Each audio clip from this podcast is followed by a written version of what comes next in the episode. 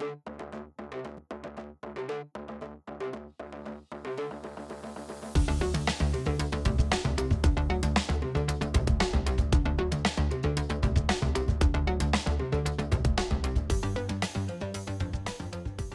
og velkommen til tiende episode av Spøkelser etter avdøde størrelser. Og i dag er det jeg, Niklas Larsson, som har fått besøk av en ja, ph.d.-student, eller i hvert fall en som eh, holder, er i ferd med å skrive sin eh, ph.d. Og eh, hvem er du? Jo, hei, hei, hei. Eh, Anders Skarpteik Fidje heter jeg. Jobber her på Universitetet i Agder. Eh, og jeg er vel her mest for å prate om eh, ph.d., men vi kommer sikkert til å prate om andre ting òg, tror du ikke det? Ja, det kan det vel bli. Vi kan vel begynne med å, hvilken bakgrunn du har i din utdanning. Ja. Nei, jeg kom fra, eh, fra den gamle ALU, eh, lærerutdanninga. Altså jeg er utdanna med lærerutdanning for eh, første til tiende trinn med fordypning i matematikk og musikk. Og så tok jeg en toårig mastergrad her på universitetet, og så har jeg bare aldri forlatt stedet, egentlig. Nei, nå- nå- når ble du ferdig med din mastergrad? Jeg tror det var i 2016. Eh, Og hva handlet den om? Den handla om eh, lærerproduserte videoer i matematikkundervisning. Ja, vi hadde jo en eh, master, eller ikke masterkandidat, men en som ble ferdig med masteren for eh, litt mindre enn et år siden som gjest eh, i episode 9 her. Og, eh, hva har du å si om din master? Litt kort bare, det er jo ikke den vi skal fokusere på. Ja Nei, altså Jeg lærte veldig mye når jeg holdt på med master. Jeg lærte egentlig mest om hvor lite jeg egentlig visste. Og eh, eh, fikk veldig mye tips underveis, egentlig av meg sjøl, på hva det kan være lurt å gjøre. Eh, Som jeg prøver å ta med meg inn i, i det jeg holder på med nå, da, i, i doktorgraden. Ja, eller så er jo det der et klassisk problem at uh, jo mer man lærer seg, desto mer skjønner man at man ikke eh, skjønner. Ja, men så det, tror jeg det er ofte sånn at når man eh, starter på en mastergrad, så har man lyst til å endre verden. Eh, og så etter hvert, jo mer du jobber med, med mastergraden, jo mer skjønner du at du kommer ikke til å endre verden, så målet blir bare å bli ferdig. Så hvis man i utgangspunktet hadde visst at du kommer ikke til å redde verden med denne ene oppgaven, uh, så, og fått beskjed om at da må du gå videre til en doktorgrad og endre verden senere, så tror jeg kanskje jeg hadde tatt litt andre valg i, i oppstarten Ja. Det er vel mulig det. Eh, og så har du jo, som du sa, du har blitt eh, på UiA siden 2016 og jobba som universitetslektor også da. Det gjør jeg. Underviser i eh, alt som har med teknologi og matematikk å gjøre. Eh, der finner du som regel meg. Mm. Så eh, jeg lager videoer, sitter veldig mye på kontoret, prater på Zoom. Jeg er en av de som, eh, som koste meg veldig i denne perioden der alle satt på hjemmekontor, fordi jeg var allerede komfortabel med min egen stemme i eh, både videoer og, og videomøte. Ja, og, og du og jeg, vi ble kjent med hverandre eh, litt før korona her, eh, allerede i 2016 da jeg begynte her og jobba vi sammen. Eh, og så etter et par år der, da fikk du da en PhD-stipendiatstilling. Og Mm. hvorfor ville du gjøre dette? Det, det var em, mest nysgjerrighet, tror jeg, som gjorde at eh, det, det var et prosjekt som, som var i gang på den tida, som heter DIM-prosjektet. Digital interaktiv matematikkundervisning. Som var et, eh, et um, utviklingsprosjekt og designprosjekt på ungdomsskole som handla om bruk av teknologi i inquiry-basert matematikkundervisning. Som eh, jeg følte passa veldig bra for mine interesseområder, som var film og, og teknologi og sånn i matematikken. Så eh, når det pro eh, prosjektet begynte å gå mot slutten, så kom der en eh, ph.d.-stipendiatstilling inn i det prosjektet som jeg da søkte på. Og så eh, var jeg plutselig i gang, og har ja, jeg holdt på å si aldri sett meg tilbake, men jeg har jo sett meg tilbake noen ganger òg, selvfølgelig. Ja, det, det gjør man vel nesten alltid, og du har ikke endret verden ennå? en- Nei, jeg, jo Ja, litt. Jeg har flytta til Grimstad, så Ja, det er sant. Det er kanskje verden som har endret på deg. da. jo det får meg lenger vekk fra campus. Ja, har du noen uh, foreløpig tittel til uh, den her eh, avhandlingen som du er i ferd med å skrive? Jeg tror det kommer til å hete 'Bruk av elevproduserte videoer i matematikkundervisning'. Og eh, hvis vi ser på formål da, eller forskningsspørsmål mer konkret i Mm. den her, er du, hvilke spørsmål stiller du? Hva er det du vil undersøke? Det, det jeg har lyst til å finne ut av, er jo uh, hva slags uh, potensial, altså pedagogisk potensial, eller pedagogiske muligheter man har med elevproduserte videoer i matematikkundervisning. Om det er et verktøy som kan eh, ha- ha potensial til å gjøre noe nytt, og, eh, og, og drive matematikkundervisning på en litt ny måte. Så jeg skal jo endre verden, da. Ja, jo, eller i hvert fall skolen. Ja. Eh, og eh, data har du vel samla inn, antar jeg. ja. Hvordan eh, gjorde du dette? Det var eh, eh, observasjon av klasserom med, med videoinnspillinger. Så ideen her er å, å la noen lærere bruke elevproduserte videoer uten at de vet noen ting om det, egentlig. Og så se hva slags mønster som oppstår i undervisninga, og hva man kan trekke ut av det. Fordi eh, en, en, en um, hypotese er jo at disse ulike måtene å bruke video på, de blir skapt av lærerne underveis, etter hvert som de blir kjent med de pedagogiske mulighetene i eh, videoene. Så med å, å, å tvinge lærere til å jobbe med elevproduserte videoer gjennom et semester, prøvd det ulike ganger, og så har jeg vært og filma når de har brukt det i undervisninga. Så skal jeg prøve å identifisere hvilken bruk som eh, ser ut til å være produktiv eh, opp mot eh, disse idealene i inquiry-basert matematikkundervisning. Ja, høres jo veldig interessant ut og litt progressivt, eller hva man kan kalle det. Har du noen resultater eh, så langt? Altså, mye av det som jeg har holdt på med, er jo å prøve å karakterisere eh, undervisninga på en hensiktsmessig måte. Så det er jo eh, egentlig resultatet til nå, er eh, at jeg har prøvd å skape et analyseverktøy som kan på en helhetlig måte forklare hva som skjedde i klasserommet, og resultatet av, av det som skjedde. Så det er resultatet til nå. Og så eh, er ideen da å, å gjøre en eh, litt sånn eh, cross, cross case analysis for å se på likheter og ulikheter mellom de ulike lærerne, og på den måte kunne komme med noen pedagogiske implikasjoner for videre bruk av, av dette verktøyet. Wow. Ja, det høres interessant ut. Og du snakker her om analyseverktøy her. Har du brukt noen spesielle teorier, teoretiske rammeverk for å komme fram til dette? Ja, altså jeg har vært innom veldig, veldig, veldig mye. Eh, og gått litt sånn fram og tilbake. Men noe av det som, som eh, interesserer meg i dette, er jo ideen om å bare se på undervisninga og så kunne si noe om den ut ifra den informasjonen som man da fanger opp på, gjennom lyd og, og video. Så um, i det arbeidet så har jeg eh, prøvd ulike rammeverk og kikka på dette på ulike måter. Skrevet noen papers som jeg etter hvert har sett at det ikke fanger opp det jeg egentlig var interessert i. da. Så um, til slutt så har jeg endt opp med at jeg ser på dette som eh, et eh, medierende verktøy.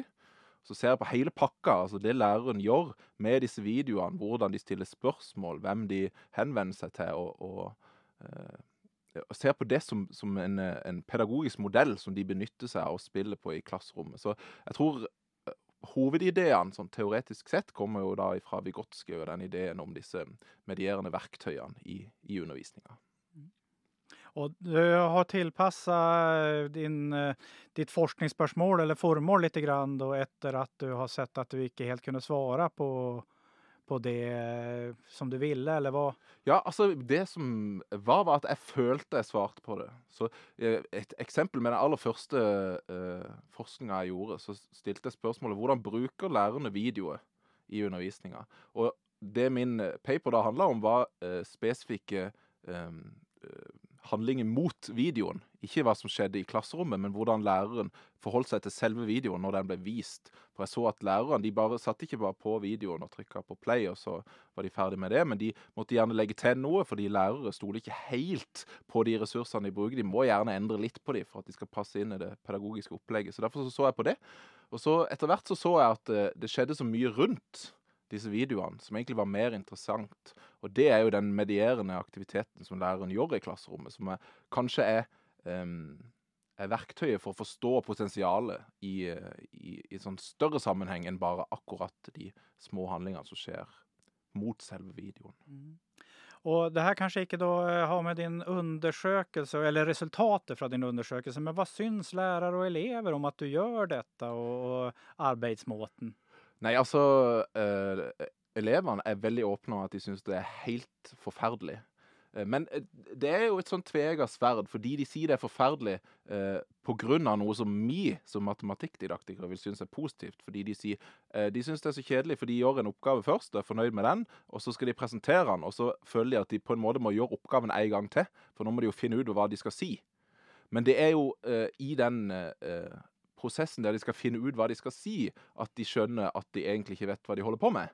Så med å tvinge de til å faktisk ordlegge seg på hvorfor strategien fungerer, så, eh, så viser de andre typer matematisk kunnskap enn det de gjør med å bare løse oppgaven eh, skriftlig.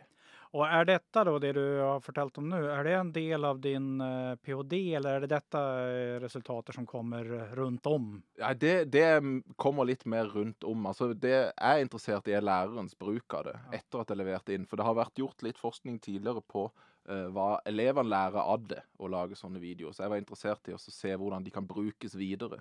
Så vi har en idé om at hvis elevene lager videoer, så lærer de matematikk gjennom det. Og så er spørsmålet kan vi, kan vi bruke de til noe mer etterpå. Kan vi få de inn i det pedagogiske opplegget som læreren benytter seg av i undervisninga? Og utfordringer det er jo, Selvfølgelig skal det være vanskelig å, å gjennomføre en ph.d. Hva, Ja. hva har vært største utfordringene? St- eh, Noe av det som eh, overrasker meg nå, kontra eh, når jeg jobba med master og, har jobba litt med forskning tidligere, det er at jeg føler at eh, hvis man eh, prøver å analysere uten et eh, veldig fastsatt rammeverk, så føles det som ganske kreativt arbeid. At du skal prøve å beskrive det som eh, ligger i datamaterialet med, ord. Eh, og det kan være ganske vanskelig å finne de ordene. Så man kan jo sitte og dra seg i håret i flere timer for å skrive ei enkelt setning. Ja. Og det eh, Når man eh, har eh, mandag til fredag fra åtte til fem, at det du skal gjøre er å sitte og skrive og jobbe med det, så eh, kan man bli litt gal i hodet av det og drikke litt vel mange kopper kaffe. Så jeg tror den eh, prosessen med at du eh, å, å, å ta seg fri i fem minutter og gjøre noe annet, eh, var noe som jeg ikke så på som nødvendig i oppstarten, men som jeg ser på som helt essensielt for å få framgang nå. Ja. Og du skriver, hvilket språk skriver du på? Jeg skriver på engelsk. Er det vanskelig med oversettelse der eh, fra Eller? Jeg, tror det hadde vært verre hvis jeg skulle skrevet på norsk, eh, fordi eh, veldig mange av de faguttrykkene jeg bruker, har jeg henta fra engelsk. Og mye av litteraturen jeg leser, er jo på engelsk. Ja. Så måten jeg blir kjent med den akademiske skrivemåten, er gjennom å lese. Så jeg tror eh, hvis jeg skulle prøvd å oversette det, så tror jeg det hadde Nej, det är jo ju nästan alltid vanskeligheter fordi det meste man läser er ju på engelsk då. Men sen om man får intryck fra klasserom eller i intervju eller Mm. semistrukturert samtale som jeg kaller dette, Ja. Så er jo det oftast på norsk då. Ja. då man, så man hamnar i en situasjon der man må oversette. Og det, det, er det er jo en stor utfordring. Uh, å å oversett- oversette ungdommers matematiske språk til engelsk, det uh, har jeg slitt ganske mye med, og forhørt meg ved veldig mange om, for å finne en måte å gjøre det på. Fordi ofte så er ikke det sammenhengende setninger, og eh, det fins flotte og fine ord på engelsk som elevene aldri ville brukt, men som er den nærliggende måten å oversette det på. Men man skal jo på en måte ikke eh, Man skal jo ikke misrepresentere datautvalget heller. Så det, det gjelder jo også å, å få oversatt det på en måte som beholder essensen, men som ikke Ja, og det er jo en utfordring Ja. alltid. Det er vel en utfordring for de som oversetter skjønnlitteratur også. Ja. Så det er jo velkjent. Eh, var det vanskelig å finne informanter, lærere og elever som ville være med på dette? Nå hoppa jo jeg rett inn i et uh, opplegg som allerede var i gang, da. Ah. Så for meg så var det ikke det. Men jeg har uh, uh, altså i mitt arbeid med dette her funnet ut at jeg vil undersøke litt andre aspekter med video òg. eh, eh, Og da ser dere at det, det er problematisk å få lærere Mm. til å, å starte på det. Ofte så er det veldig gøy når de er i gang, men det virker veldig tungt å komme i gang.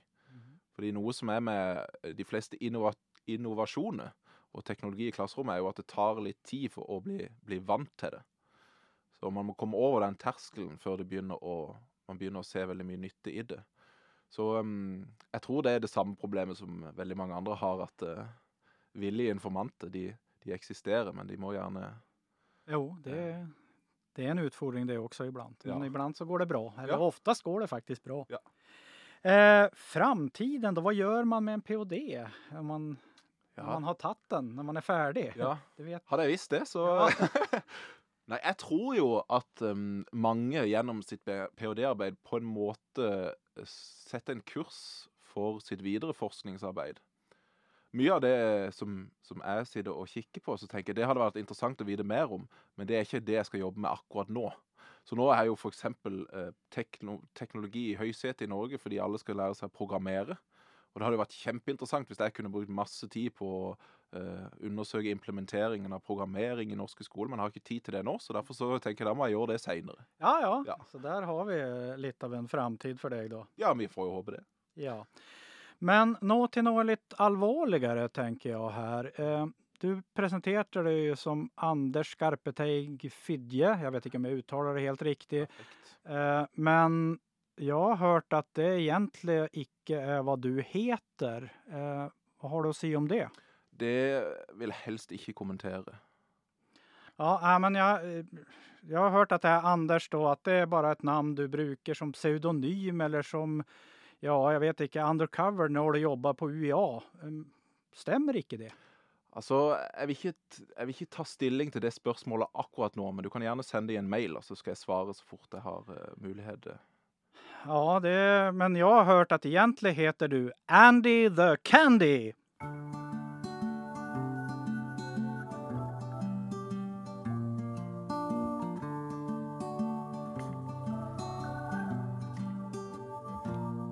Legger siste hånda på verket, pusser brillene tar litt dags i håret. Får med meg ei nysmurt nistamamma, så hiver jeg meg på sykkelen og fiser av gårde. Jeg sykler på ett hjul forbi noen babes, ja. Viser stor evne til akrobatikk. Så låser jeg sykkelen og finner pulten min. Første time matematikk. Trøtt som få drar jeg fram lærebok, kalkulator og pennal.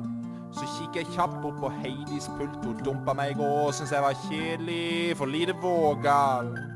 På tavla så har frøken Bensen tegna en trekant og skrevet hypotenus og katet. Så begynner hun å bable om en eller annen gresk fyr som ville måle avstanden fra jorda til en annen planet. Hun skriver opp til flere tall på den tavla, og opphøyer de både det ene og det andre. Plutselig skal hun ta kvadratroten av en eller annen sum. Jeg skjønner ingenting, og tankene mine begynner å vandre. Ja, for i helsike skal jeg sitte her og knote med noe som frøken Bensen åpenbart allerede veit. Jeg har blitt dumpa, og må jo skjønne at jeg ikke har det noe greit.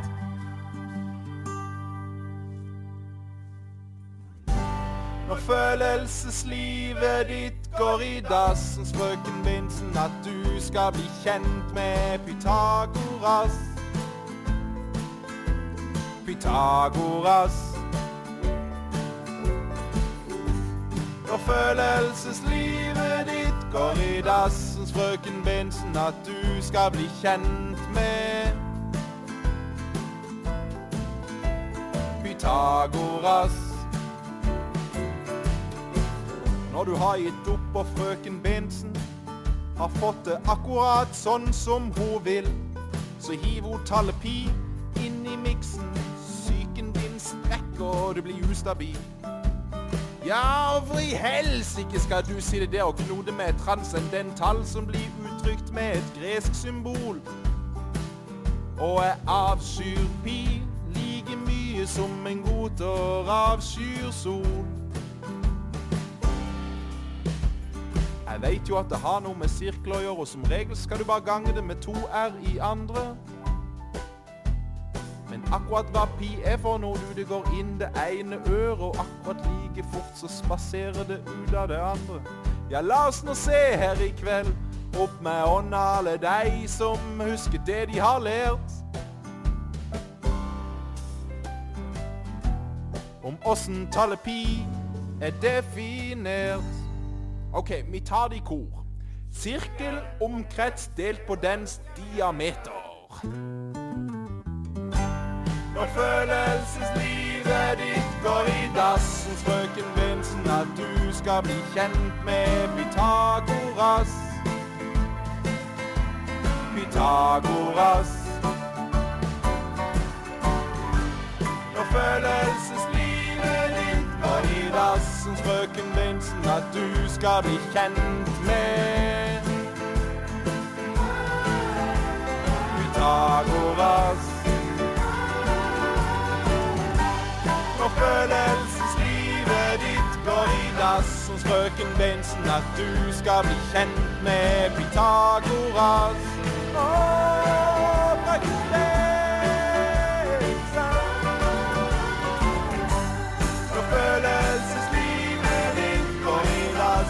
frøken Bensen, hvor er du nå? Frøken Bensen, hvem er du med? Frøken Bensen. Skal du nå på lørdag, frøken Bensen?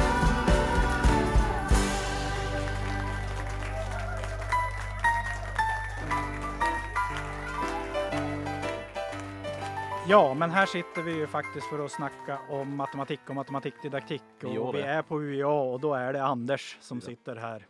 Det er dessverre det. Ja. Eh, men kopplingen da matematikk-musikk, eh, er det noe som du bruker? Man har jo hørt at det finnes en kobling der. Ja. Altså, er, jeg mener jo at veldig mye av det man gjør som lærer, òg er kreativt arbeid.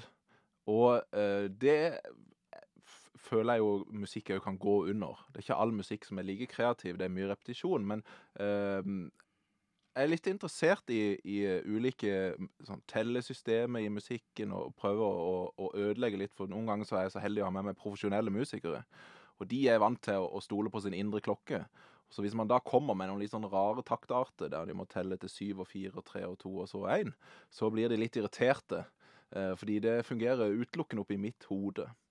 Så jeg tror eh, eh, jeg er glad i å, å, å bruke sånne systemer, og ikke bare bruke de, men òg misbruke de. jeg gjør det heldigvis kun i, i, i, i musikken. Jeg ville jo aldri gjort det, misbrukt noen system når det kommer til matematikkdidaktikk. Nei, men da kan det være kanskje bra da, å ha musikken å falle tilbake på som litt misbruk, da, eller? Ja, altså jeg pleier å tenke på det sånn at hvis denne lærerkarrieren skulle gå skikkelig dårlig, så har jeg den trygge musikkarrieren å falle tilbake på. Um, ja. Ja, så det er mer at det er den här karrieren då som Anders och matematikkdidaktikk, det er det som er det artistiske i dette, og det andre som er jobb. ja, det er mest det. De, eh, den ene timen hver tredje måned som jeg, jeg jobber med musikken, det er egentlig der jeg, der jeg utfolder meg skikkelig jobb. Og så de åtte timene jeg jobber her hver dag, det er mest, eh, det er mest hobby.